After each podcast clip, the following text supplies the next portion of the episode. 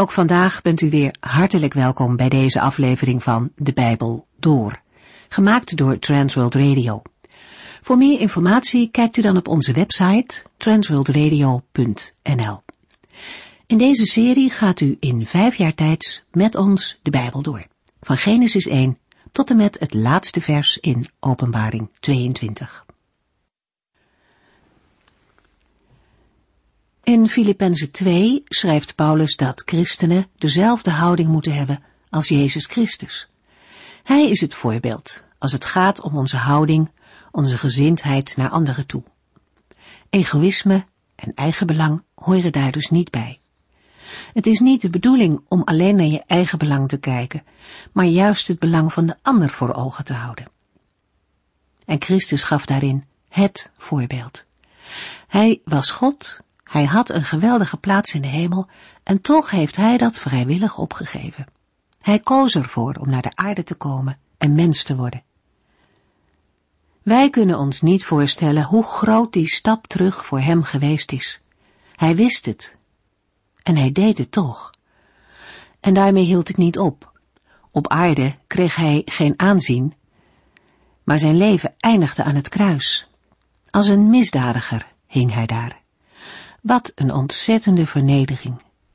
Maar tegelijkertijd spreekt er zoveel liefde uit. Iemand die zichzelf zo wegcijfert en alles opgeeft om u en mij te redden, en dat uit vrije wil. Dat is de motivatie voor ons om niet op onszelf gericht te zijn, maar in de naam van Jezus liefde te geven aan mensen om ons heen. In de versen die we vandaag lezen zien we het resultaat van de gehoorzaamheid van Jezus. God heeft hem de hoogste plaats gegeven. Elke knie, zonder enige uitzondering, elke knie zal zich voor deze Jezus buigen. Ieder mens zal op een dag erkennen dat Jezus Christus Heer is. Nu kan dat vrijwillig. Iedereen die buigt voor Jezus wordt door God aangenomen als zijn eigen kind. En wie dat niet wil, wie niet wil buigen, zal op een dag tot de ontdekking komen dat hij ernaast zat en alsnog moeten buigen. Het is Gods genade dat hij nog wacht en mensen de gelegenheid geeft om uit zichzelf naar hem toe te komen. Corveda gaat nu dieper in op deze verse uit Filippenzen 2. In de vorige uitzending hebben we stilgestaan bij de zeven stappen van vernedering die de heiland heeft gezet om ons mensen te redden. We zetten de zeven stappen van vernedering nog een keer op een rijtje. In vorige uitzendingen zagen we dat de apostel Paulus, om de innerlijke houding van Christus verder uit te werken, een lied gebruikt. De versen 6 tot en met 11 in Filippenzen 2 geven dan in liedvorm de vernedering en verhoging van Christus weer. Dit lied over Christus had mogelijk zijn oorsprong in de Hebreeuws of Aramees sprekende gemeente in Israël, omdat het de vorm heeft van een psalm met steeds twee parallelle regels. In het eerste couplet wordt het bestaan van Christus bij God bezongen, voor de schepping. Christus was toen in de gestalte van God. Bij gestalte moeten we in dit verband niet denken aan een uiterlijke overeenkomst, maar aan de heerlijkheid van God. Ook in Filippenzen 3 vers 21 wordt dit verband gelegd. Ook de eerste mens weerspiegelde voor de zondeval het beeld en de heerlijkheid van God. Maar de eerste mens wilde bovendien aan God gelijk zijn. Nu wordt in Filippenzen 2 vers 6 duidelijk dat Christus die de heerlijkheid van God had, zich wilde vernederen om te dienen. Bij het woord vastklampen moeten we denken aan iets dat iemand per se wil vasthouden of wil verkrijgen. Christus had de goddelijke natuur kunnen vasthouden, of de heerschappij over de schepping kunnen nastreven. De eerste Adam zwichtte voor de verzoeking van de duivel om het aan God gelijk zijn te verkrijgen. Maar Christus, ook wel aangeduid als de tweede of laatste Adam, wees de verzoeking om van de duivel de heerschappij over de aarde te verkrijgen van de hand. Hij wilde door gehoorzaamheid aan God de heerschappij ontvangen. Daarvoor vernederde hij zich.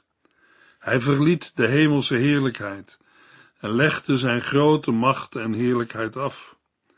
Het is de eerste stap in de zevenvoudige vernedering die Christus vrijwillig heeft gekozen. Wij mensen kunnen ons niet indenken wat een stap dat voor de Heer Jezus moet zijn geweest. Hij deed het om de wil van God de Vader te doen en uit liefde voor verloren mensen. Christus Jezus heeft zich niet vastgeklampt aan zijn goddelijke rechten. In andere vertalingen lezen we voor deze woorden, Christus Jezus heeft het gelijk gelijkzijn niet als een roof geacht, maar heeft zichzelf ontledigd. Waarvan moest Christus zich ontledigen? Niet van zijn goddelijkheid, maar van zijn goddelijke rechten. De heiland deed vrijwillig afstand van zijn goddelijke rechten en leefde op aarde met de beperkingen die alle mensen ondervinden. Naast zijn goddelijkheid moeten alle schepselen, inclusief alle mensen, hem de eer, de lof en de dank brengen. Maar de Heere heeft zich niet vastgeklampt aan zijn goddelijke rechten. Hij heeft zich vernederd tot een gewoon mens, zonder aanzien, luister en eer. Hij werd geboren in een stal, niet in een mooi paleis. De eerste kraamvisite bestond uit mensen die in Israël aan de rand van de samenleving leefden, namelijk schaapherders. Hij groeide op in Nazareth. In de 21 brieven van het Nieuwe Testament wordt Nazareth niet één keer genoemd. In de Bijbelse tijd was Nazareth een volkomen onbekend gehucht. In het Oude Testament wordt het niet eens genoemd. Nathanael vroeg verbaasd aan Filippus in Johannes 1 vers 46, uit Nazareth? Kan daar iets goeds vandaan komen? Nazareth dankt zijn bekendheid uitsluitend aan het feit dat Jezus er opgroeide. Jezus kwam als een heel gewoon mens naar deze aarde. Luisteraar, als u aan het gewoon mens zijn van Jezus twijfelt, dan kan het lezen van Johannes 17 helpen om er eens goed over na te denken. Jezus vraagt in Johannes 17 vers 5 aan zijn vader in de hemel, Vader, laat mij nu bij u terugkomen om de eer en de heerlijkheid te ontvangen die ik voor het ontstaan van de wereld al had.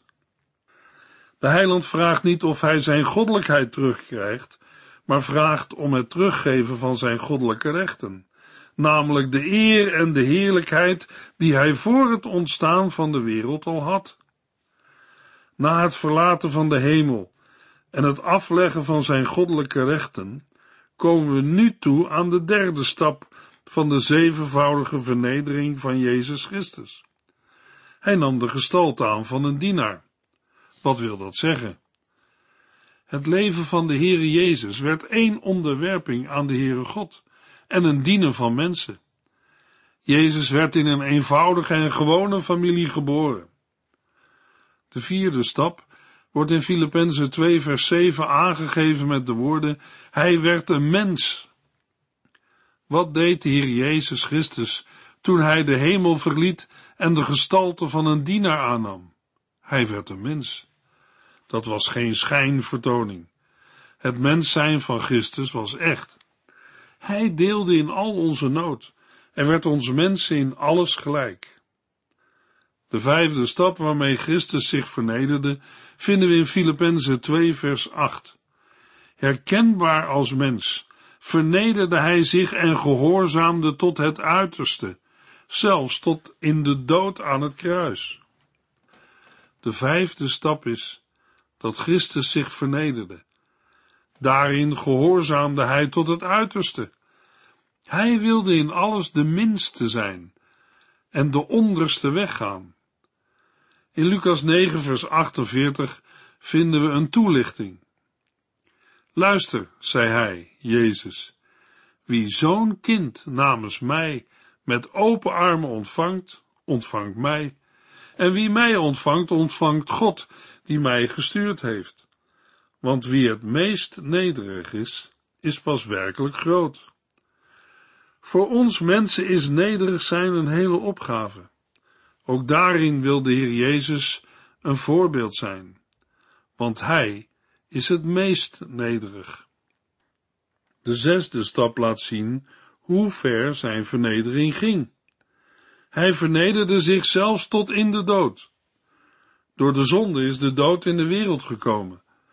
In Romeinen 5 vers 12 tot en met 17 lezen we, samengevat is het zo. Door de schuld van één mens, Adam, is de zonde in de wereld gekomen. En de dood is het gevolg van de zonde. De dood werd het lot van alle mensen, want zij zondigden allemaal. De zonde was al in de wereld voordat Mozes Gods wet ontving. Maar zolang er geen wet is, wordt de zonde niet toegerekend. Toch ontkwam in de tijd van Adam tot Mozes niemand aan de dood. Ook al had men niet, zoals Adam, gezondigd door een uitdrukkelijk verbod van God te overtreden. Nu is Adam een beeld van degene die later zou komen, Christus. Maar wat een verschil is er tussen de zonde van een mens en de genade van God. Door de schuld van één mens, Adam, zijn de mensen gestorven. Maar boven alles uit gaat de genade van God, die Hij aan alle mensen schenkt, door die ene mens, Jezus Christus. Met dat geschenk is het anders dan met de zonde van Adam. Door die ene zonde zijn velen veroordeeld, maar door dat ene geschenk van genade in Christus zijn velen vrijgesproken, hoewel zij het niet hadden verdiend. Door de overtreding van die ene mens regeerde de dood in de wereld. Hoeveel meer is er door die andere mens, Jezus Christus, gebeurd? Door zijn overvloedige genade is vrijspraak mogelijk geworden. Wie dat grote geschenk van hem aannemen, zullen samen met hem regeren in het eeuwige leven. Daarvoor heeft de Heer Jezus zich vernederd tot in de dood. Het brengt ons bij de zevende stap van de vernedering van Christus. Christus vernederde zich tot de dood, hij bleef gehoorzaam ook toen het zwaarste, de dood van hem werd geëist. Daarbij was de dood aan het kruis de ergste vernedering. Christus kwam van de hoogste plaats en vernederde zich tot de laagste plaats, de dood aan het kruis. In Hebreeën 12, vers 1 tot en met 3 lezen we, nu zo'n grote menigte van getuigen ons ziet en aanmoedigt, moeten wij alles afleggen wat ons hindert en ons bevrijden van de zonde die zich aan ons vastklemt. Wij moeten de wedstrijd voltooien die voor ons ligt, zonder op te geven. Daarbij moeten wij blijven kijken naar Jezus, die ons de weg wijst. Hij is het doel van ons geloof. Hij kon zich aan het kruis laten slaan en de schande negeren, omdat hij wist welke blijdschap hem te wachten stond. En nu zit hij aan de rechterzijde van de troon van God. Denk aan hem die zoveel heeft doorstaan, zodat je niet verzwakt of onverschillig wordt. Hij heeft verdragen dat slechte mensen vreselijke dingen van hem zeiden. Al deze dingen deed de Heer Jezus voor u, jou en mij. De vermelding van het kruis bevestigt nog eens hoe ver de vernedering van Jezus Christus ging. Hij stierf de dood van een slaaf. Daar komt nog bij dat voor de Joden de dood aan een kruis een teken was van een vervloeking door God.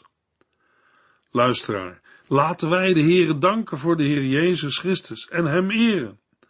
Want God de Vader wil dat wij Zijn Zoon Christus verheerlijken. We hebben in de vorige verse de zevenvoudige vernedering van Christus overdacht. Nu gaan we, naar aanleiding van de versen 9 tot en met 11, de zevenvoudige verhoging van Christus overdenken. Filippenzen 2, vers 9. Daarom heeft God hem de hoogste plaats en de allerhoogste titel gegeven.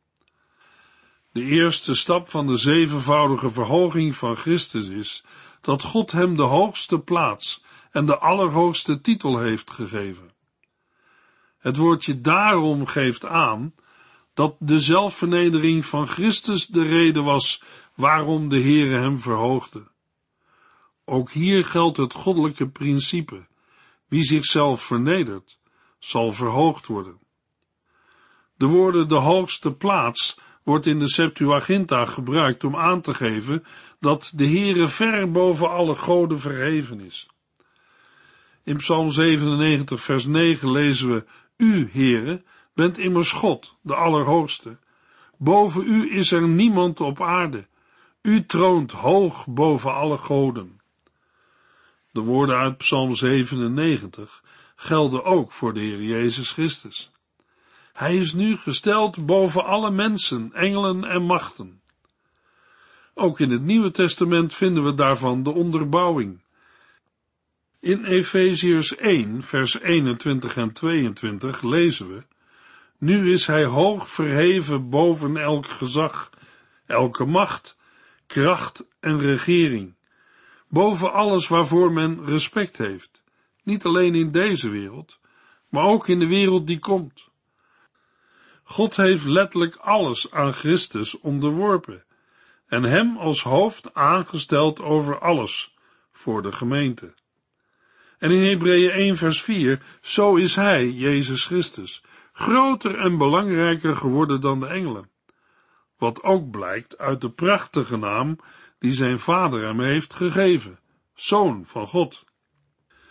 De vorm van het Griekse werkwoord verhogen geeft aan dat het om een eenmalige verhoging in het verleden gaat, waarbij opstanding, hemelvaart en het gezet worden aan de rechterhand van God de Vader worden samengevat.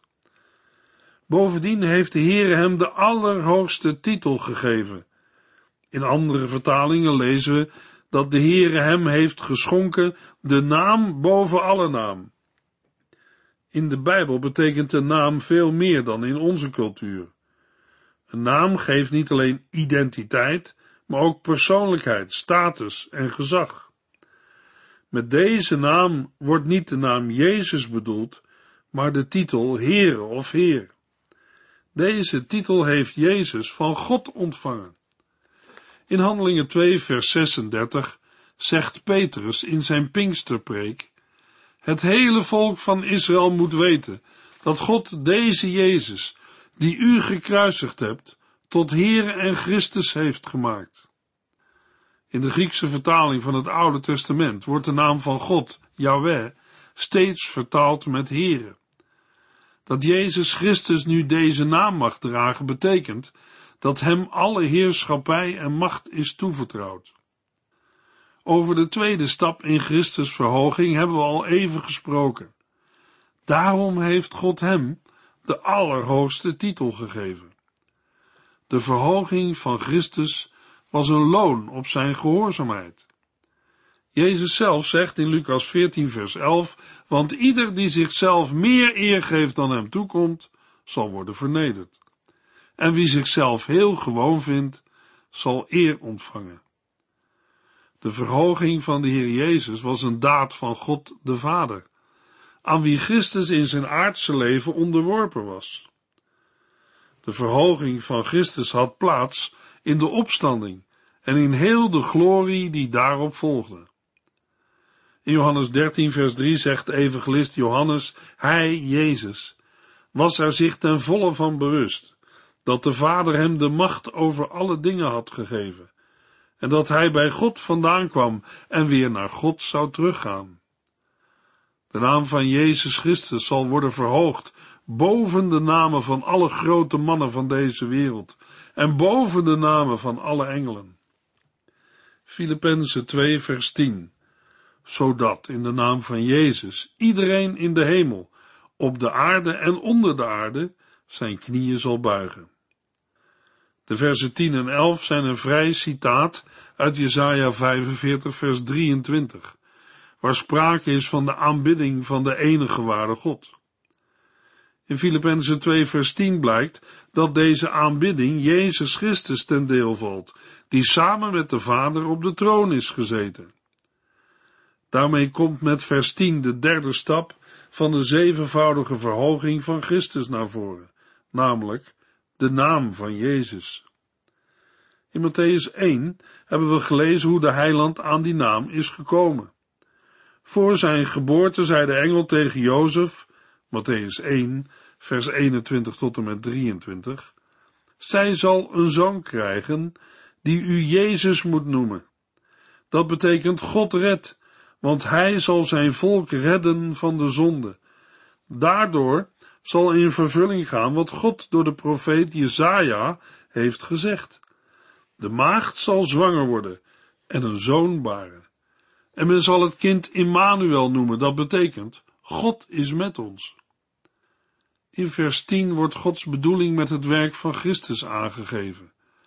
In de naam van Jezus wil zeggen door de kracht die er van zijn persoon of op grond van zijn naam uitgaat.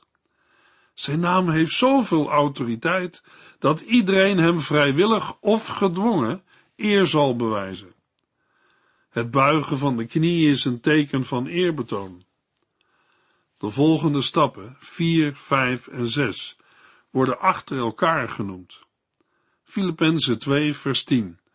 Zodat in de naam van Jezus iedereen in de hemel, op de aarde en onder de aarde zijn knieën zal buigen. De vierde stap bij de verhoging van Christus is dat iedereen in de hemel erbij betrokken is. Ook al is de Heer Jezus Christus al verhoogd en heeft hij de machten en overheden verslagen, toch hebben nog niet alle schepselen zich aan hem onderworpen. In 1 Corinthians 14 vers 24 en 25 lezen we, wanneer Christus alle vijandige overheersing, gezag en macht heeft uitgeschakeld, zal hij zijn koningschap aan God de Vader overdragen. Christus moet net zo lang regeren tot hij alle tegenstanders heeft onderworpen. De laatste vijand die uitgeschakeld wordt, is de dood. In Filippenzen 2 vers 10 noemt Paulus drie categorieën schepselen die zich aan Jezus Christus zullen moeten onderwerpen. En naar openbaring 5 zal dat ook gebeuren. Johannes schrijft in Openbaring 5 vers 13, en ik hoorde alle schepselen in de hemel, op de aarde, onder de aarde en in de zee daarmee instemmen. Alle lof, eer, heerlijkheid en macht is voor hem die op de troon zit en voor het lam, voor altijd en eeuwig. Bij iedereen in de hemel moeten we denken aan hemelse wezens zoals engelen, machten en boze geesten. Bij iedereen op aarde denken we aan aardse wezens, zoals mensen en de levende natuur. En bij iedereen onder de aarde denken we aan onderaardse wezens, bijvoorbeeld aan de dood en het doodrijk, of aan demonen. Deze drie categorieën duiden al het geschapene aan. De hele kosmos zal de heerschappij van Christus moeten erkennen. Vers 10 wordt ook wel eens verkeerd gebruikt. Sommige Bijbeluitleggers zijn van mening dat op grond van Filippenzen 2 vers 10 iedereen gered zal worden.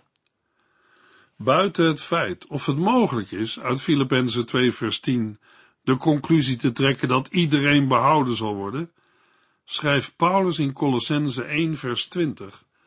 Door zijn zoon heeft God een altijd durende vrede gesticht tussen zichzelf en alles wat in de hemel en op de aarde is doordat Christus zich aan het kruis heeft opgeofferd en zijn bloed heeft gegeven, is er verzoening met God. De Heere heeft wel een altijd durende vrede gesticht tussen zichzelf en alles wat in de hemelen en op de aarde is. Maar dat wil niet zeggen dat zijn verzoening er automatisch voor iedereen is. In heel de Bijbel is de voorwaarde voor Gods zegen, bewaring en verlossing dat een mens gehoorzaamt, gelooft in de Heer Jezus Christus en leeft zoals God het wil. Er is verzoening met God, maar de voorwaarde is dat deze verzoening op de voorwaarden van de Heeren wordt geaccepteerd. Als Gods voorwaarden worden afgewezen, wordt ook zijn verzoening afgewezen en is de conclusie, er is op onze voorwaarden geen verzoening mogelijk. Er wacht veroordeling. Waarom? Omdat de mens niet heeft geloofd in de naam van Gods enige zoon, Johannes 3 vers 18. De woorden uit Johannes 3 zijn woorden van de Heer Jezus zelf. Geloof Hem op Zijn woord.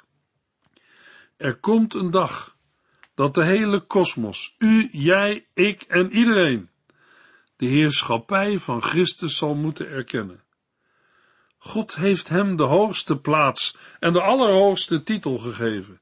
Iedereen in de hemel, op de aarde en onder de aarde zal zijn knieën voor hem buigen. Zelfs de duivel en de demonen zullen zich voor hem buigen, want hij is de allerhoogste Heer. Hij is God.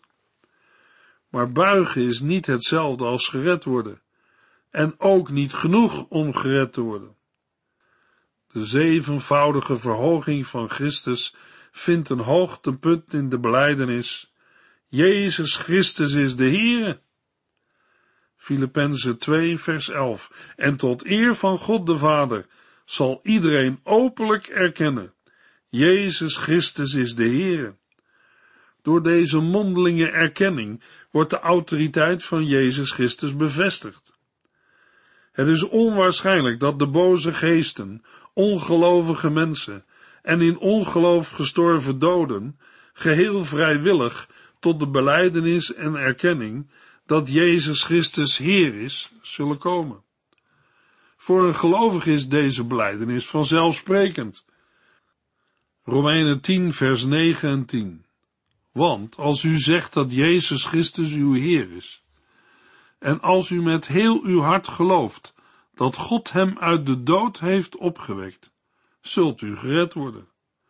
Door met heel uw hart op Christus te vertrouwen, wordt u rechtvaardig verklaard. En door daarvoor uit te komen, wordt u gered.